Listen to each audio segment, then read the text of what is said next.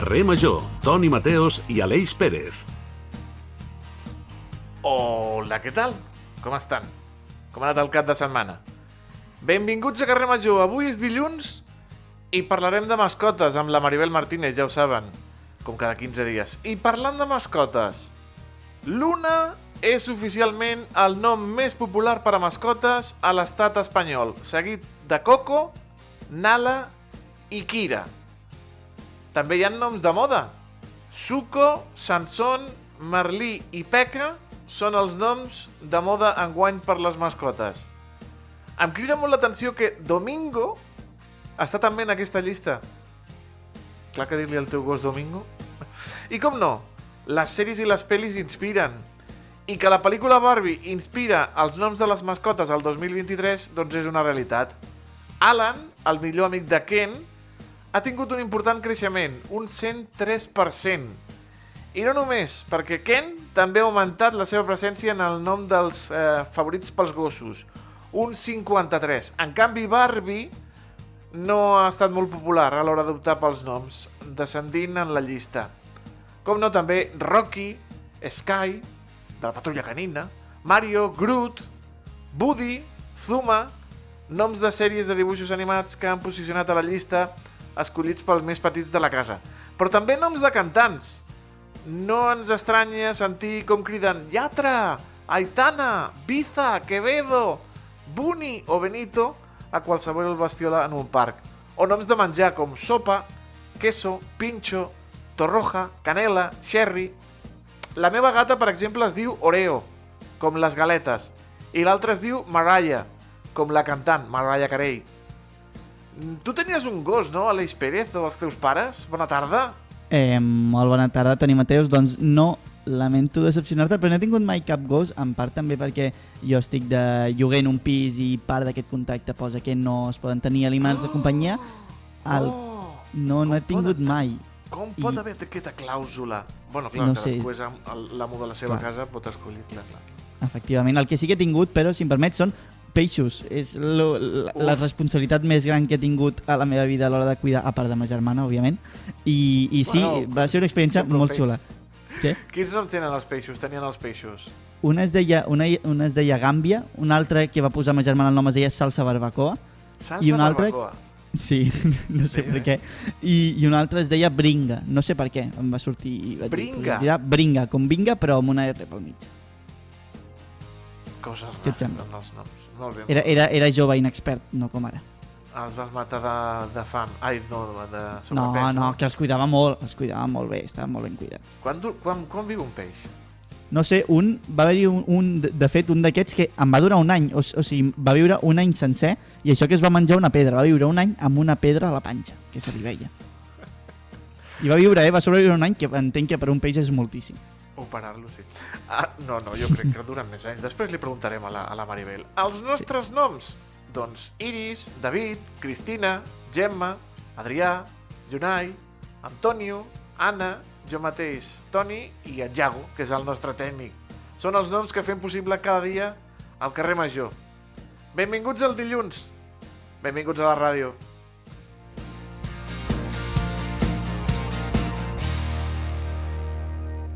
El valor del camp de Tarragona. Carrer Major.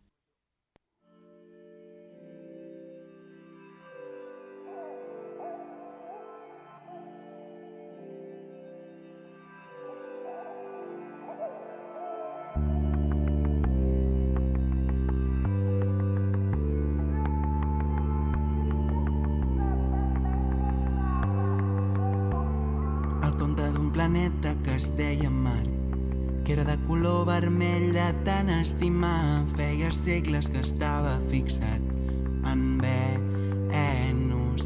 Venus no buscava res seriós, preferia anar provant. La setmana passada, l'artista tarragoní Eloi Duran guanyava la gran final del Sona Nou. Alegria pel Camp de Tarragona i segon any que el Premi Musical de la revista Enderroc es queda a casa. Però no content amb això, dissabte guanya, va guanyar el Premi Portautors, l'edició del 2023. És un crac. Per conèixer, parlar amb ell, felicitar-lo, l'hem convidat als estudis de Ràdio Ciutat de Tarragona i ha acceptat. Aló, Duran, bona tarda. Hola, bona tarda. Molt bona tarda. Moltes gràcies. Partida doble, triple, bueno, això és un no parar, noi. Estic una mica molt content, una mica sobrepassat també de sobte, però molt, molt content. Com van els nervis? Com va l'ego? Eh, ja has baixat del núvol o encara estàs en aquest núvol de uau, he guanyat el son nou, uau, he guanyat el, Am, porta, el portautors? Ja, no ho sé, eh, no et sabria dir, és, és una mica estrany tot plegat, però la veritat és que tampoc crec que sigui una cosa molt, molt d'ego, sinó com que evidentment s'ha fet ressò d'això em, i doncs de sobte la gent em, vol parlar amb mi no? o, o, o vol com comentar doncs, aquesta notícia i, i, i ja, jo encara estic com assimilant també això, no? que de sobte organitzar em, mm, doncs això, anar a mitjans i, i, i, i tot plegat, però, però a banda d'això el nuvolet està sent superbonic i, i estic molt agraït del reconeixement tant del Sona Nou com del Portautors eh, i amb moltes ganes en veritat d'aprofitar tot el que ens estan donant perquè la meva música pugui arribar a més gent, o sigui que supercontent i amb moltes ganes de currar. No, no saps la que et ve al damunt. Ja, crec que no. Escolta'm, Eloi, com va anar aquesta fase eliminatòria del, del Sona Nou? Quan, quan deies, mira, un passet, un altre, i un altre, i un altre, fins a la gran final. Com van anar aquestes fases eliminatòries? Doncs eh, la veritat és que, clar, és un concurs molt llarg en el sentit de que o sigui, tu envies la teva proposta i la seleccionen i crec que això ja tarda com dos mesos, no et sabria dir exactament. Jo el que sé és que un cop eh, em van seleccionar, van, van seleccionar 30 propostes, les quals durant tot el juny van fer un primer concert preliminar, o sigui, estem parlant de que això va començar el juny, eh, i llavors arran d'això, eh, eh, o sigui, hem anat com passant fases de 30 a 12, de 12 a 6, de 6 a 3 i fins la gran final. Clar, han sigut molts mesos, eh, hi han hagut nervis, però també com que ens han fet fer molts reptes, no? ens han proposat eh, molts reptes, eh, tocant diferents escenaris, de sobte una sala de concerts, de sobte un escenari gran de festa major, de festival, eh, musicar un poema, adaptar una cançó d'un altre idioma al català, eh, hem fet un estatge tècnic, no? anar passant fases ens ha permès jugar molt més encara i com poder agafar eh, molts reptes diferents i aprendre molt. Llavors, com, sobretot em quedo amb això, més que amb els nervis i tot, que també n'hi ha hagut, eh? I hi ha hagut com, uau, de sobte, estem passant a la següent, a la següent, a la següent, com podem arribar a guanyar, això és gros, això és fort. I sí, sí, no ho sé, molt fort, realment.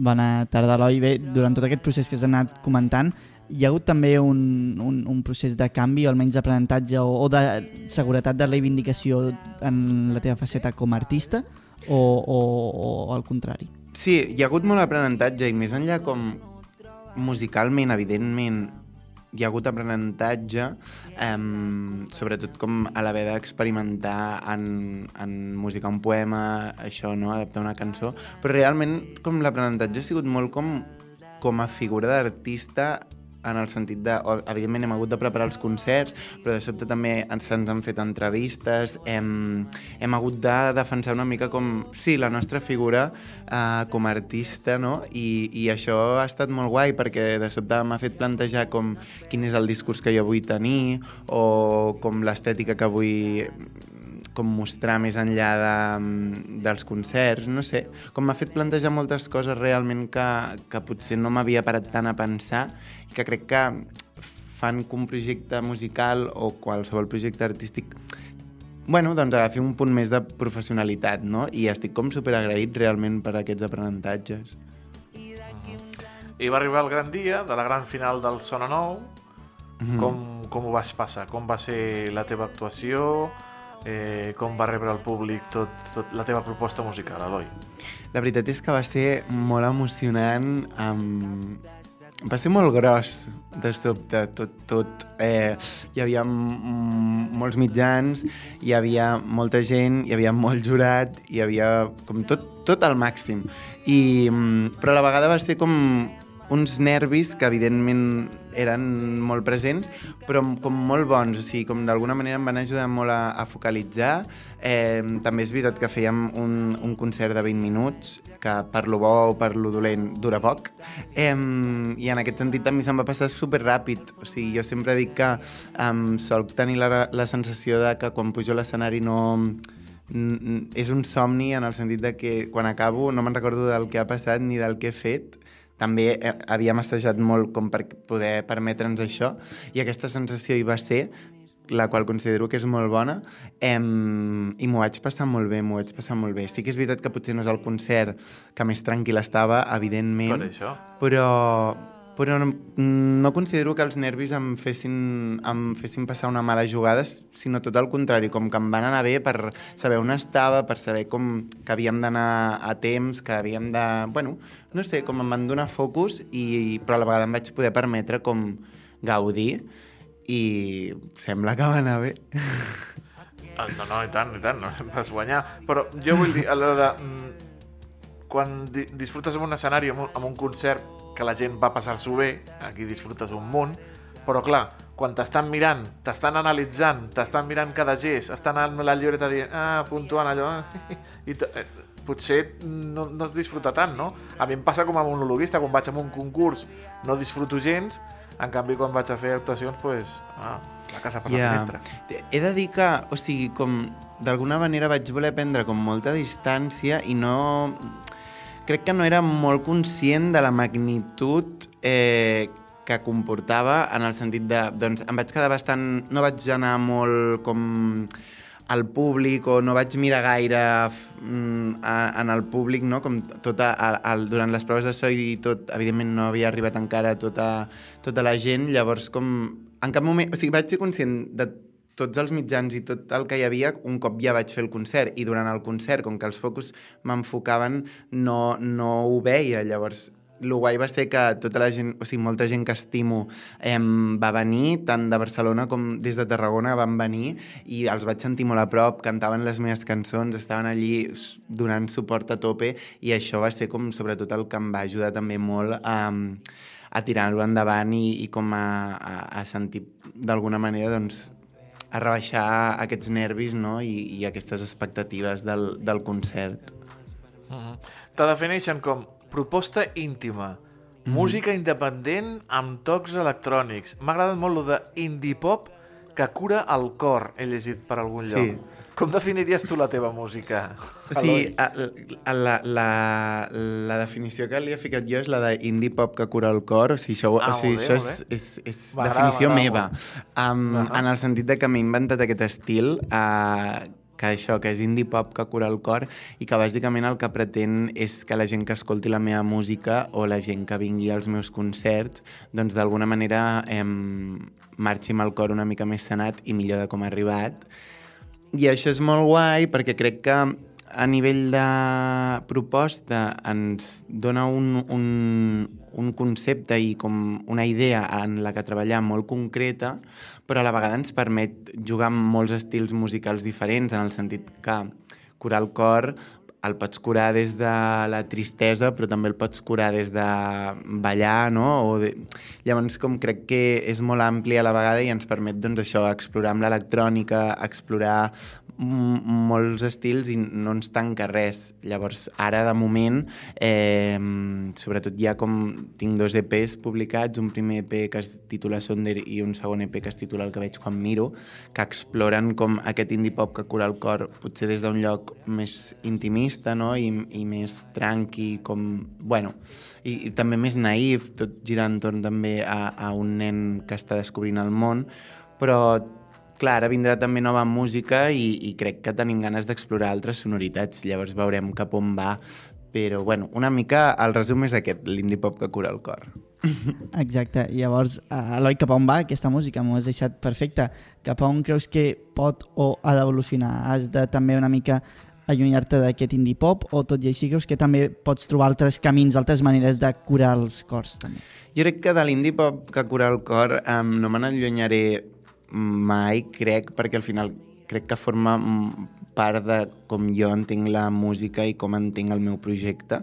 Llavors crec que més enllà de que ho reivindiquem més o menys com a estil, em, hi ha alguna que com que jo escric música o jo faig música com per sanar-me a mi i en algun moment hi ha com aquest procés d'intentar que arribi a les altres persones i que es facin seves les cançons, crec que això sempre hi serà, però tenim moltes ganes tant com aquest concepte que deia de, del nen que està descobrint el món, també hi ha com una idea de seguir en, en la meva música com explorant com que aquest nen es faci gran, no? I veure què passa en això, vull dir, com de sobte com descobrir el món més enllà de la primera, la primera sensació crec que comporta de sobte una profunditat eh, i descobrir també com una part fosca de la part lluminosa, no sé, com tot això més a nivell conceptual eh, i després a nivell musical jo estic treballant amb un productor musical que es diu Pau Vinyals, que també és el músic que m'acompanya en els directes i que em va acompanyar a la final del Sona Nou. Um, portem ja, o sigui, l'últim EP ja me'l va produir ell i com la idea és seguir corrent junts eh, i el Pau ve molt de l'electrònica, ve, ve molt com d'unes atmosferes sonores com molt més grosses, llavors crec que també hi ha ganes de tirar per aquí. Um, així que veurem una mica, però crec que serà música potser com una mica més madura i una mica més fosca. Però clar, o sigui, ara també hem acabat el concurs, cal seure i parlar de què volem fer, eh? Però bueno, jo crec que anirà cap aquí. Bueno, bueno, deixem-lo, deixem-lo que disfruti, que, que, no, que no fa res que has guanyat el, el, el concurs. I, un, I el premi del concurs és gravar un, un nou EP, no?, amb la gent de, del Sona Nou? Sí, em, o sigui, la cosa és com que ara s'ha de fer com una reunió per acabar de parlar bé com tots aquests premis i tot, però en principi sí, hi ha, hi ha un, un dels premis que és em, poder gravar doncs, un EP, llavors veurem com, com, com, ho convert, com ho encaixem això també dins les necessitats del, del projecte, no? Però, però sí, sí, o sigui, al, al final com hi ha la idea de poder gravar noves cançons gràcies a, al Sona Nou, o sigui que supercontent, la veritat. I bueno, i promos, ja ho saps, t'esperen uns dies i unes setmanetes de promos per ràdios, promos per tele, promo per premsa. Nosaltres et volem donar les gràcies de que t'hagis escapat Eh, que va, m'ha fet molta il·lusió, clar que sí, o sigui, com crec que eh, per mi és superimportant també no només fer promo, eh, a, vull dir que un que venir a Tarragona per mi és molt important i, i fer promoció aquí, bàsicament perquè estic també superorgullós de que una proposta eh, tarragonina hagi guanyat per segon any consecutiu i com que crec que és superguai i crec que també mereix com un reconeixement això, eh, però sí que és veritat que eh, com m'està sabent greu perquè és que, clar, no sé si estic podent arribar a, a, a, a tothom que li ve de gust com parlar amb mi i com em sento fatal, saps? Però bueno, també com penso que tot el que no pugui ser ara, doncs, com que el projecte, la idea és una mica que vagi tenint projecció, doncs podrà ser més endavant, llavors com m'agafo una mica això, la veritat. I aprofitant aquest, aquest fil, tu creus que uh, té un impacte real en el territori aquí al Camp de Tarragona, que totes aquestes propostes com la Isla Teva, com és la dels Figaflaues, independentment d'on sigui, i la música que facin, també impulsa a la gent de Tarragona també a crear i buscar el seu camí? Jo crec que sí. Crec que, o sigui, crec que és, si més no, inspirador eh, veure gent que d'alguna manera mm, per territori ni que sigui et queda més a prop eh, doncs veure gent que, que està tirant endavant els seus projectes artístics, que té la necessitat de dir alguna cosa, sigui com quina sigui i sigui a través del canal que sigui, perquè clarament Figaflaues eh, i jo no, no fem com el mateix estil de música, però el, els dos tenim coses a dir i els diem de la nostra manera i crec que això és, és super eh, important i crec que a vegades com quan, quan no vull dir que crec que Barcelona i entorn és molt estimulador perquè hi ha molts inputs, hi ha molta música, hi ha molt de teatre, hi ha com molt, molt, molt massa de tot, i a vegades com al sortir d'aquí hi ha potser menys, no? No sé si m'explico. Em, però, sí, sí, sí. Però crec que mm, gent amb necessitat de dir coses i amb talent i, a, i, i amb ganes d'explicar coses artísticament n'hi ha moltíssima. I a tot arreu i a Tarragona i província també. Llavors com és guai perquè crec que és això és com molt inspirador i, i, i molt, molt orgull.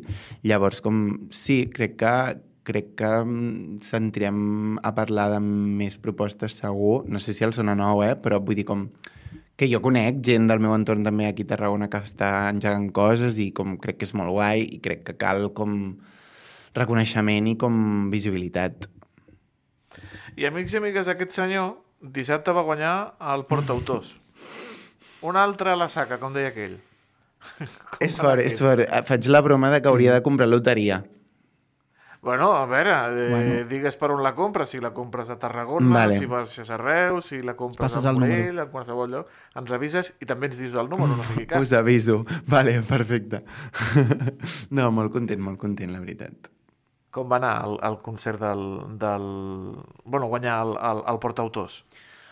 Doncs va ser molt bonic perquè em, sempre és molt guai poder tocar a casa i a mi em venia molt de gust, eh, o sigui, com el teatret és un, un teatre molt bonic i com tocar allà sempre és com molt guai, o anar allà a escoltar un concert i em feia molta il·lusió, a més com l'organització de portautors són gent supermaca que s'ho curra moltíssim i crec que és un projecte que em, va començar, si no m'equivoco, com fa 5-6 anys i va començar com algo més petitó i ha anat creixent i és un concurs que cada vegada està agafant més renom i més ressò, que és important també això evidentment, i mm, va ser molt xulo, eh, els artistes que hi havien eren tots maquíssims, van passar una tarda molt guai i a més com vaig tenir com el, la gran sort de guanyar el Premi del Jurat i a més el Premi del Públic. Um, i va ser com intens en el sentit de, ostres, venia ja de, del dimecres del Sona Nou i com em va abrumar una mica com de dir, ai, seria ara com l'artista repel·lent que guanya els concursos. És broma, eh? Vull dir que crec que hi ha una altra part de mi que pensa, joder, tu has currat moltíssim, sí. has treballat molt, eh, evidentment les altres propostes t'ho mereixen igual que tu, però tu també t'ho mereixes, llavors, com, bueno, ha donat la casualitat que ha sigut la mateixa setmana. Més enllà d'això, eh, ole tu. Però bueno, sí que hi ha una part una mica com de... Uf, semblo l'empollon dels concursos, saps, de sobte. No, no, no, no. no. Però, Et- però et- bueno, Sí, sí. m'ho prenc a broma una mica també i, Sí. i No, m'ho no, prenc a broma perquè és bé, que si fa- no, no sé què fer. Sí, sí. Fas, fas molt bé, fas molt bé, Eloi. Et vigilarem de ben a prop d'aquí al, al carrer Major, estarem ben atents a totes les teves propostes, a tots els teus concerts. Moltes i ho gràcies. recomanarem, ho recomanarem a I la nostra agenda. Eh, Eloi Duran, moltíssimes gràcies per venir al carrer Major i parlar una estoneta amb nosaltres. I de nou, felicitats dobles, triples, moltes felicitats. Moltes gràcies, gràcies per convidar-me. Fins la propera. Adéu. Adeu, adeu. Estàs escoltant Carrer Major.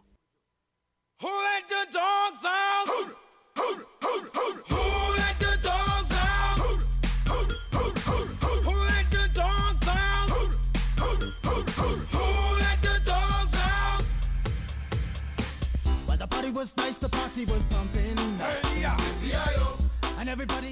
Què es pensen? Que només l'artrosis la pateixen els humans? No, no, és una malaltia relacionada, entre altres eh, factors, a l'edat avançada de les nostres mascotes, també.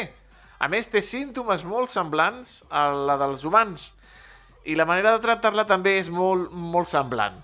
Per estar al dia de què fer, la nostra veterinària de confiança, la Maribel Martínez, ens visita cada 15 dies per donar-nos bons consells. Maribel, bona tarda. Molt bona tarda, de dilluns. No m'esperava jo que els animals també patissin artricis, artrosis i, i, i problemes, pobrets meus.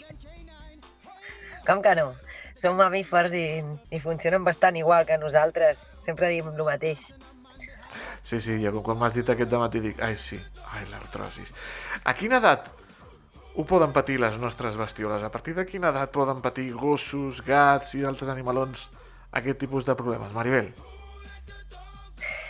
artritis es, po es pot patir de molt jove, igual que nosaltres, que, que una artritis pot venir donada per un, per un trauma, per exemple, per una trompada, per un, per un mal gesto. I, i el que sí que, que és més ja d'edats més avançades és l'artrosi.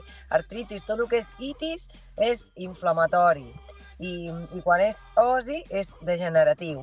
Llavors l'artritis és el pas previ a l'artrosi, que vol dir que s'ha inflamat l'articulació. I, i, i, i ja et dic, les causes poden ser molt diverses. Llavors, si, si aquesta inflamació perdura i cronifica, doncs al final l'art- l'articulació va degenerant i es converteix en una artrosi.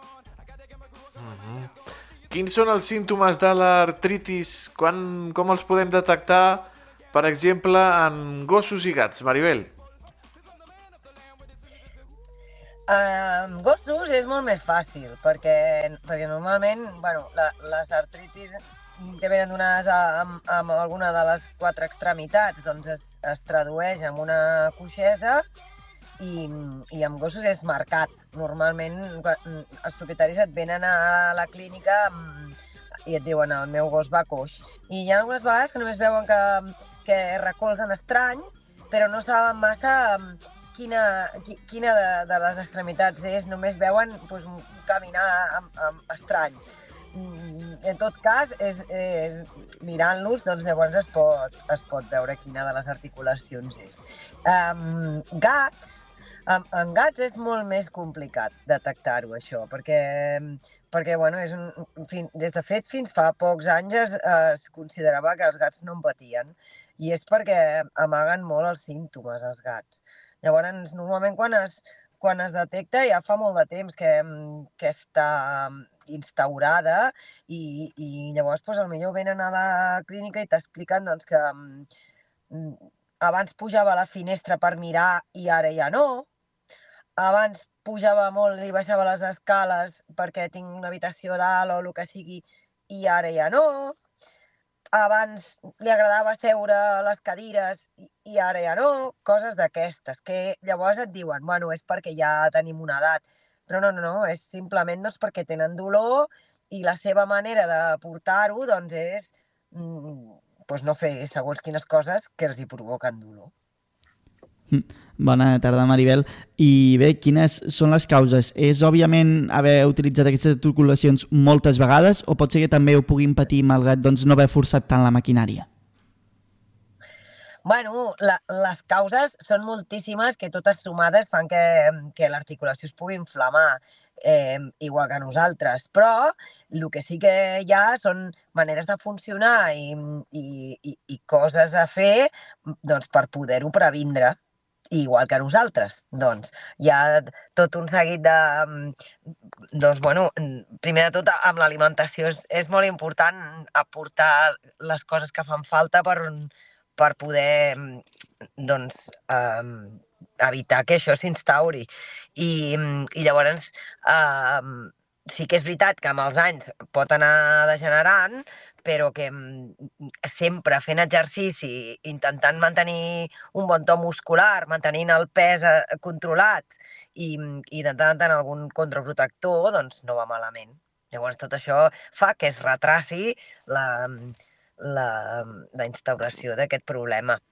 I, I potser no arribes mai a la degeneració articular. Tot, tot arriba només fins a una inflamació que podem anar aturant doncs, tal qual arriba. Si els eh, convidem a sortir més a l'animal, si li donem algunes cap, bueno, no sé si són càpsules o si són líquids o si són eh, cosetes, aquella... Ma mare pren la... Ana Maria la Justícia, aquelles pastilles, però no, no sé si és pels animals també n'hi han de l'Anna Maria la Justícia o d'una altra marca, però ho podem, els podem ajudar així a gossos i gats? Sí, mm, mm, bueno, una cosa és la, la, que prenguin suplements, doncs, a part de l'alimentació que tenen, i, i l'altra cosa és eh, aportar ja directament amb l'alimentació doncs, doncs, Mhm. algunes coses que, que fan falta. Què sé, a, als gats, per exemple, um, que els tenim acostumats molts a menjar només pinso, doncs igual ens podríem plantejar d'afegir unes quantes coses de dieta natural que els anirien bé. En gossos, sí, que el de fer exercici és, és important, doncs, que, que igual que nosaltres el sedentarisme no és gens bo i, i el que ens hauria d'ocupar és tonificar la nostra musculatura per mantenir les nostres articulacions en bona forma i el que sí o sí en totes les espècies és el control del pes que, mm, que clar, un sobrepès sobrecarrega les articulacions i aquestes han d'arrossegar mm, i suportar molt més que si estem en el pes adequat. I sí, el, el, la indústria de suplements de, de mascotes ara comença a ser un, una cosa important i, mm, i sí, tal qual Anna Maria la Justícia, famosa en persones, doncs amb, amb bestioles hi ha un fotimer de laboratoris que fan més o menys naturals els suplements i, i, que, i que els vostres veterinaris us, us els poden recomanar. Sí. I tant. Però aquests productes, Maribel, són assequibles, són assumibles per part de, de la gent o, o, o realment sí, no? No tenen massa complicació econòmica en aquest cas?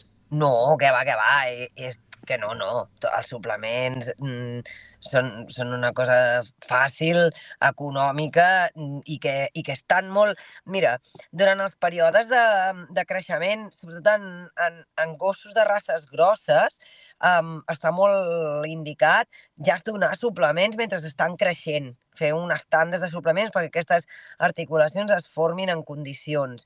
I després, durant la vida, doncs també anar fent de tant en tant aportacions per si la dieta se'ns queda curta. I són perfectament assumibles i tant. No, Uh -huh. no hi ha res que sigui molt car ni res. que va, que va. No, no, ja m'ho imagino.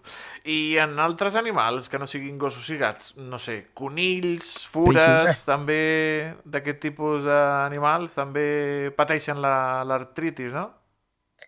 Eh, Per mi això és una pregunta complicada perquè no m'hi dedico massa jo als exòtics, però imagino que sí. el, conill és, perquè... el conill és exòtic? Eh, Sí, sí, to, to, exònic, eh, exòtics eh, um, són, són tots els animalons que són eh, aus, rèptils, rosegadors, es, estan tots mm, compresos amb aquest, amb aquest grup, doncs. Se'ls hi diu exòtics, en, en general, eh? Aus, rèptils i, i rosegadors, sí, sí. Però, Doncs i ja m'imagino que sí, eh? Que per, mm, tant sigui per traumes com per males eh, estrabades, males postures o, o ja degeneració per edat, és més que probable que també tinguin. I tant, artritis, sí, sí. Doncs que consultin el seu, anim, el seu veterinari de confiança, com nosaltres com ho comentem i ho consultem cada 15 dies amb la Maribel Martínez, de veterinària de Coselva, a la qual li donem les gràcies per acompanyar-nos un dia més. Maribel, una abraçada molt gran i disfruta. Gràcies. Gràcies a vosaltres. Fins al pròxim. Que vagi bé. Carrer Major, fent camp de Tarragona.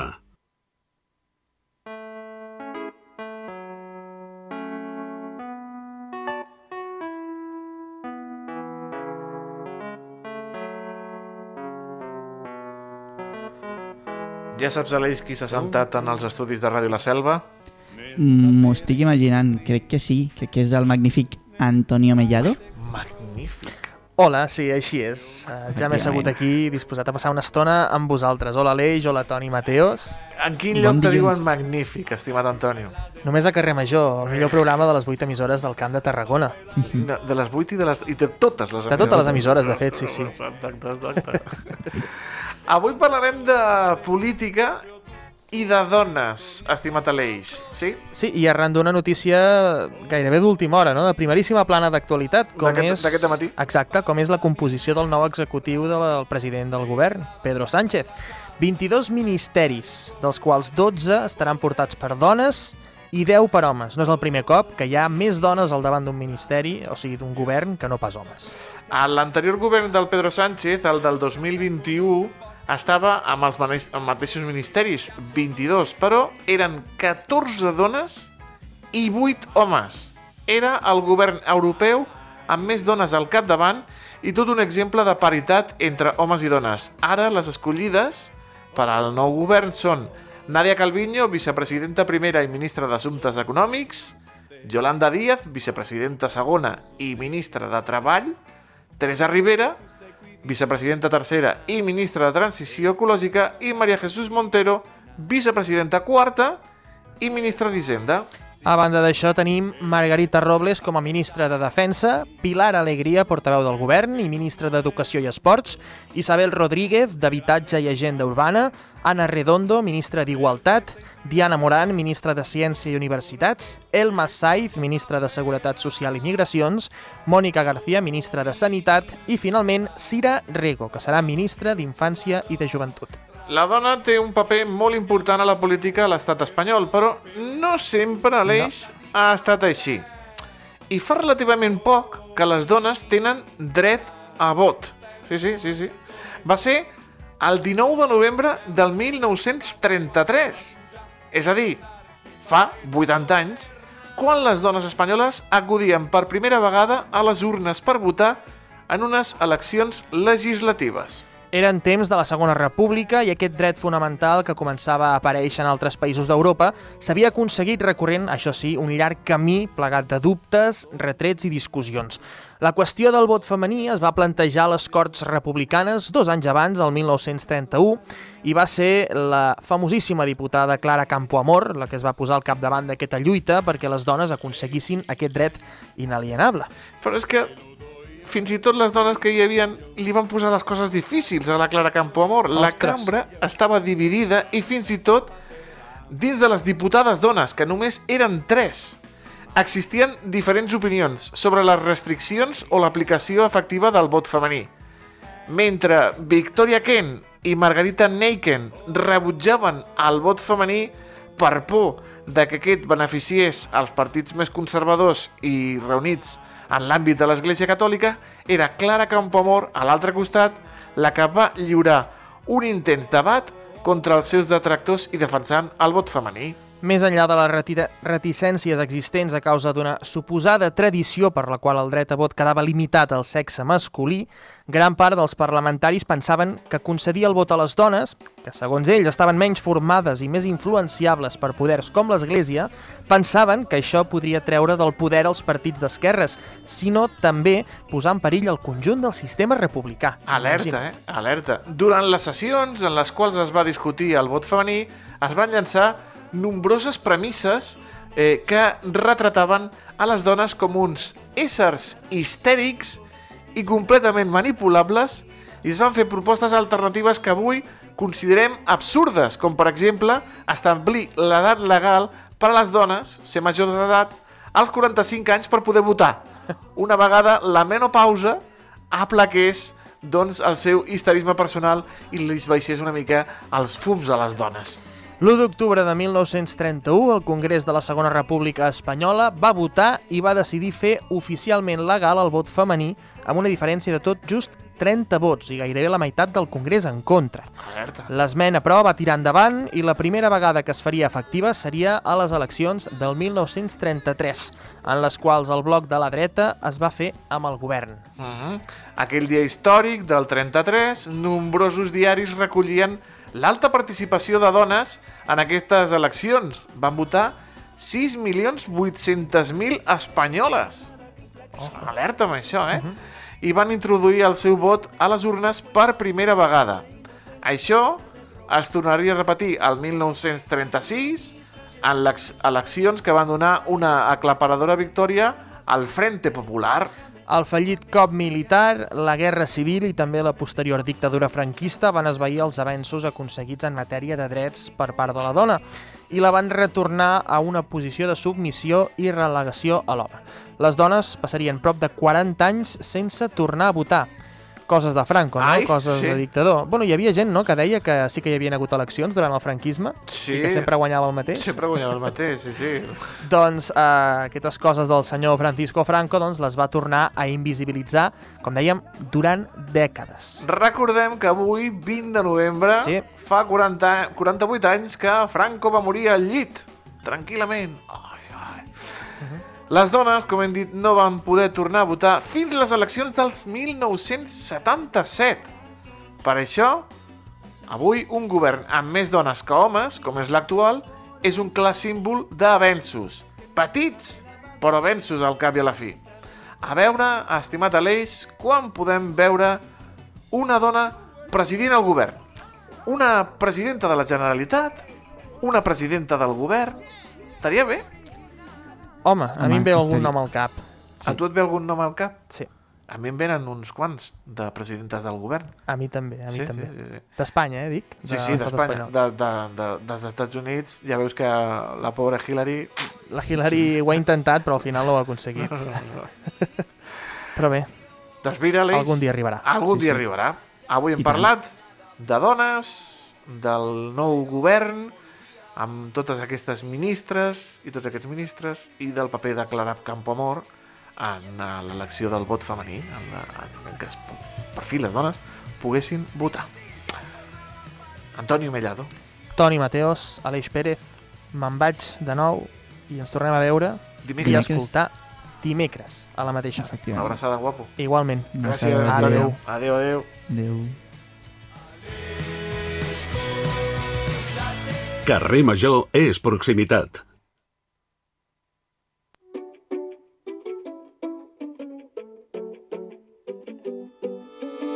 Vull més a prop si pogués ser. Si pogués ser. Vull la calma que evitem permanentment. Permanentment. Et vull accés il·limitat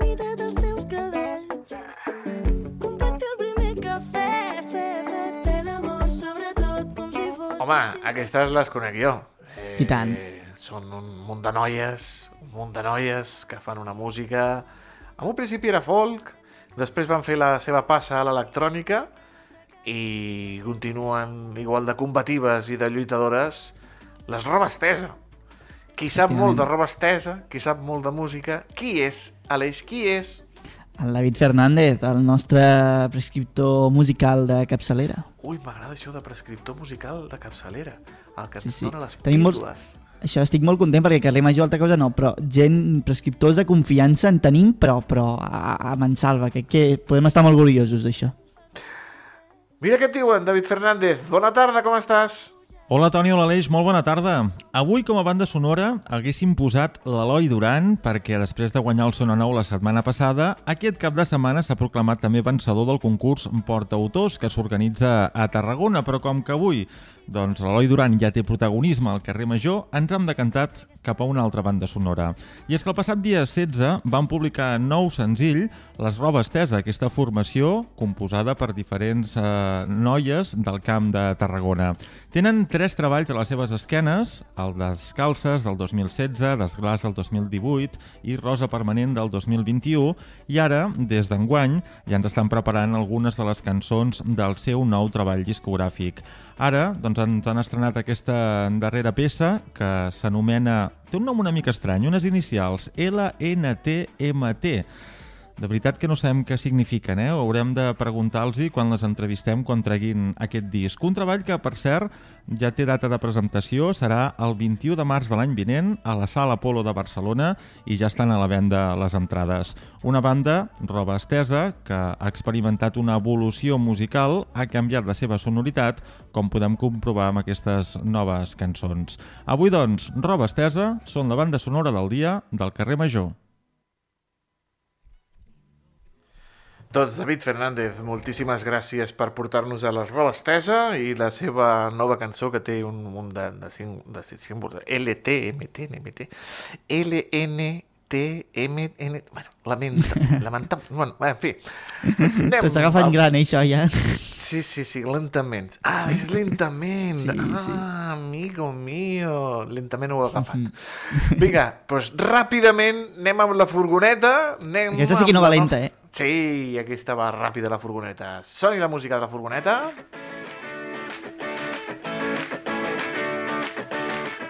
I anem amb la nostra estimada Cristina Artacho, que la veig molt, molt, molt ben acompanyada en un lloc que jo conec molt, molt, molt, Ai. molt bé, que es menja molt, molt, molt bé, s'esmorza molt, molt, molt bé, i que a més, tx, cuidado, que són mestres artesans, els dos que tens al teu costat. Cristina, bona tarda. Hola, Hola Toni, hola Deix, que just no us estava sentint gaire bé. Doncs com dèieu, estic en un lloc pràcticament emblemàtic, eh, com és el Forn Cisteré, bueno, una de les botigues de Reus del Forn Cisteré, i m'acompanyen eh, els seus dos propietaris, el Tomàs Pàmies i el Xavier Pàmies, que acaben de rebre un distintiu de la Generalitat com a mestres artesans alimentaris. I primer li pregunto ràpidament, ràpidament al Tomàs, que ha de marxar i ens quedarem després amb el Xavier. Tomàs, què significa rebre aquest distintiu per la Generalitat i com us ha fet sentir? Bé, és una verdadera satisfacció perquè se'ns reconeix doncs, un esforç de molts anys de tradició, de generacions, rere generació, doncs, de molt d'esforç, molt de treball, molt formats, molt saber fer i estem encantats doncs, de que se'ns hagi nomenat doncs, amb aquest títol de mestre artesà alimentari i molt satisfets, no cal dir-ho. Al Forn Cisteré porteu des del 1910. Quantes generacions de forners sabia? Pues sí, pues mira, ja ve dels nostres besavis, que ja van formar el forn, que interiorment ja era d'uns oncles, el que ja perdem la pista, i llavors els avis, els pares i nosaltres. I bueno, darrere encara segueix el meu nebot està també introduint-se doncs, al, al negoci i, bueno, i tirar endavant i que no s'acabi mai. Sí, sí. I Xavier, teniu moltes botigues, molts forns a Reus, inclús a Tarragona. Quants en tenim ja? No, no tenim tantes botigues ni tants forns, a vegades això espanta. Nosaltres tenim un sol forn, Eh, tot, tots som cisteré. No, a vegades llavors eh, fa que vegem, eh, vegem núvols, saps? O vegem boira. Tenim un obrador, un sol obrador, on ho elaborem tot. El Tomàs és el cap de producció, és l'ànima de, de, de, de, tot, de tot el que s'elabora i, i no sé què dir-te, vull dir, la carta de mestre artesà, la carta de mestre artesà significa molt, perquè vam viure l'any 89, que és pràcticament quan nosaltres, nosaltres vam incorporar el forn sobre el 86-87, a començar a treballar el pa. I l'any 89, quan se van donar les primeres cartes de mestre artesà, n'hi van donar una al nostre, al nostre avi, a l'avi Josep, l'avi Pepito, com diem així popularment. I clar, ara després de 34, quasi 30, sí, 30, sí, 34 anys ens el donguin a nosaltres, ens satisfà molt. I a més a més ens satisfà el fet de que no, no han donat una carta de mestre artesà, ens n'han donat dues. Me sembla que no s'havia donat mai el cas que en dos germans se donés eh, la carta de mestre artesà alimentari. Clar, a vegades sembla un diploma més, però és que perquè et donin la carta de mestre artesà alimentari necessites haver acreditat un mínim de 15, eh, em sembla que són 15 anys d'elaboració artesana d'un producte, en aquest cas el pa. I nosaltres s'hi hem esforçat moltíssim i ara rebre aquest, bueno, aquest reconeixement és important no només per nosaltres, és, és important per tota la gent del nostre voltant.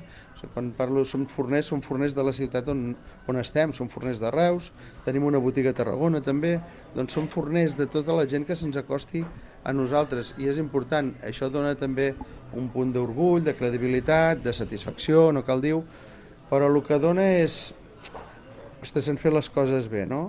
I estem lluitant per fer-les bé i, i millorar, perquè o sigui, ara dius, ja ets mestre artesà, ja s'ha acabat, ja ho tens tot. No, no, no, no.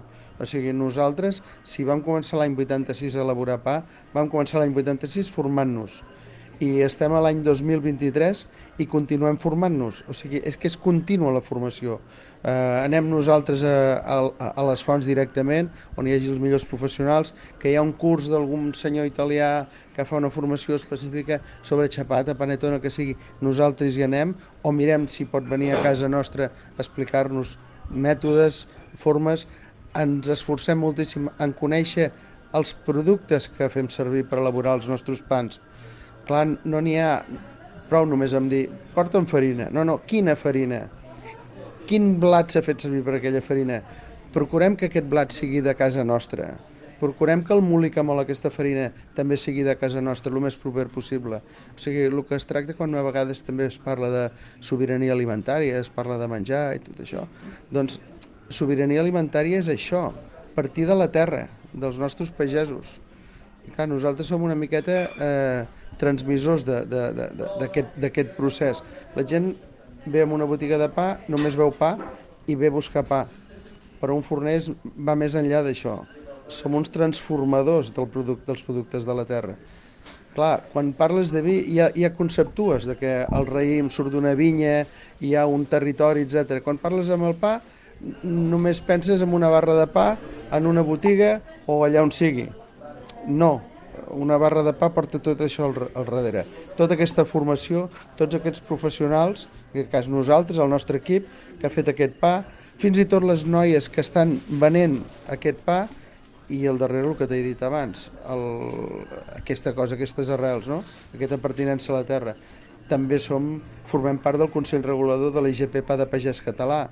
És, en aquests moments és l'única certificació que hi ha d'un pa de qualitat avalat per la comunitat europea, que nosaltres l'estem fent, hem sigut finalistes uns quants anys, hem guanyat el premi un any, però ja no és el fet de guanyar el premi, és que estem defensant aquest producte, defensant el pa nostre, pa nostre de cada dia. I una última pregunta, que és un tema que m'interessa moltíssim, i és que al Mercat Central de Reus heu obert una paradeta on només hi ha pa sense gluten, evidentment amb el seu obrador propi. Com funciona això i, i quin feedback esteu rebent des del juny que va obrir? Bueno, bueno la, la realitat és que ens satisfà molt, però a vegades dius, no, no és que ens satisfagui perquè és un negoci més, sinó perquè nosaltres, hem, abans t'ho he comentat, Cristina, nosaltres som una empresa de serveis i volem vendre un aliment bo i saludable. A nosaltres ens venen clients a casa a buscar un aliment bo i saludable i si aquest client, aquest, aquest amic, perquè al final deixa de ser un amic, li haig de dir que no puc perquè és intolerant al gluten, que no puc perquè tinc una celiaquia, que no puc per... I dius, ostres, doncs, i teníem una mancança. Fem ja, ja fa anys que fem pa sense gluten. Però clar, per contaminació creuada no podem garantir la seguretat d'aquest pa. I ara, el mercat central, lligués- un, un pilar, diguéssim, de la de l'alimentació en, el, en, la, en la cultura mediterrània, doncs hem tingut la possibilitat de tindre al Mercat Central de Reus una parada, però és que és una parada que a més a més hi ha un obrador. I en aquest obrador hi hem pogut fer un, un de, dels que era el, el nostre somni dels últims 7 o 8 anys, que és poder tindre un espai lliure de gluten, un espai on les persones que tinguin una intolerància una celiaquia, amb tota la seguretat del món, puguin vindre i consumir aquests productes. Hi ha una miqueta de cafeteria també, o sigui, poden fins i tot tastar aquests entrepans sense gluten, perquè mirem també, clar, que tots els ingredients siguin, siguin sense gluten, no només eh, el pa. I ja està. I, bueno, i la- l'altra cosa que em satisfà a mi com a pare és que, clar, qui s'ha posat al capdavant d'aquest projecte ha sigut el meu fill, el Javi, que clar, ja és la sisena generació de forners de Cal Cisteré. Clar, això és, ha sigut un, un munt de coses que ens han vingut alhora i, ostres, la carta mestre artesà, que els, les generacions eh, que venen també continuïn empenent, empenyent, doncs és, és, és molt bonic. I també t'he de dir, o sigui, no, no, al forn rebem moltes satisfaccions de clients agraïts, però la, la cara i la satisfacció d'alguns clients en el producte sense gluten és espectacular, perquè tu pensa, vam començar el mes de juny, aproximadament. El mes de juny pensa que aquí Reus estem en la, en la bullida de, del corpus i la coca en cireres. Doncs saps el que és que la gent hagi pogut venir a gaudir una coca amb cireres al corpus, que havien estat, a la millor gent jove que té ara 20 anys, que s'ha passat 10 anys veient els gegants i no poder-se menjar la coca en quan veu ballar els gegants de la seva ciutat, que som molt de Reus, i a Reus poder-te menjar una coca amb cireres sense gluten, ostres, qui no ho havia pogut gaudir és que alguns plorant, i alguns venint cada dia a menjar-se una coca amb cireres, no? Això és molt bonic, això és, és una satisfacció tremenda. Sí, sí, Cristina, increïble, tot el que ens expliquen aquells germans Pàmies del forn Cisteré. I tant, I deixem aquí la furga d'avui i amb moltes ganes de menjar-me un tros de pa. Perfecte, I no, tant. no, un bon tros de pa del Ens forn cisteré. Nosaltres tornem demà. Que acabin Adéu, de passar també gràcies. molt bona tarda. Adéu, fins demà. Adéu.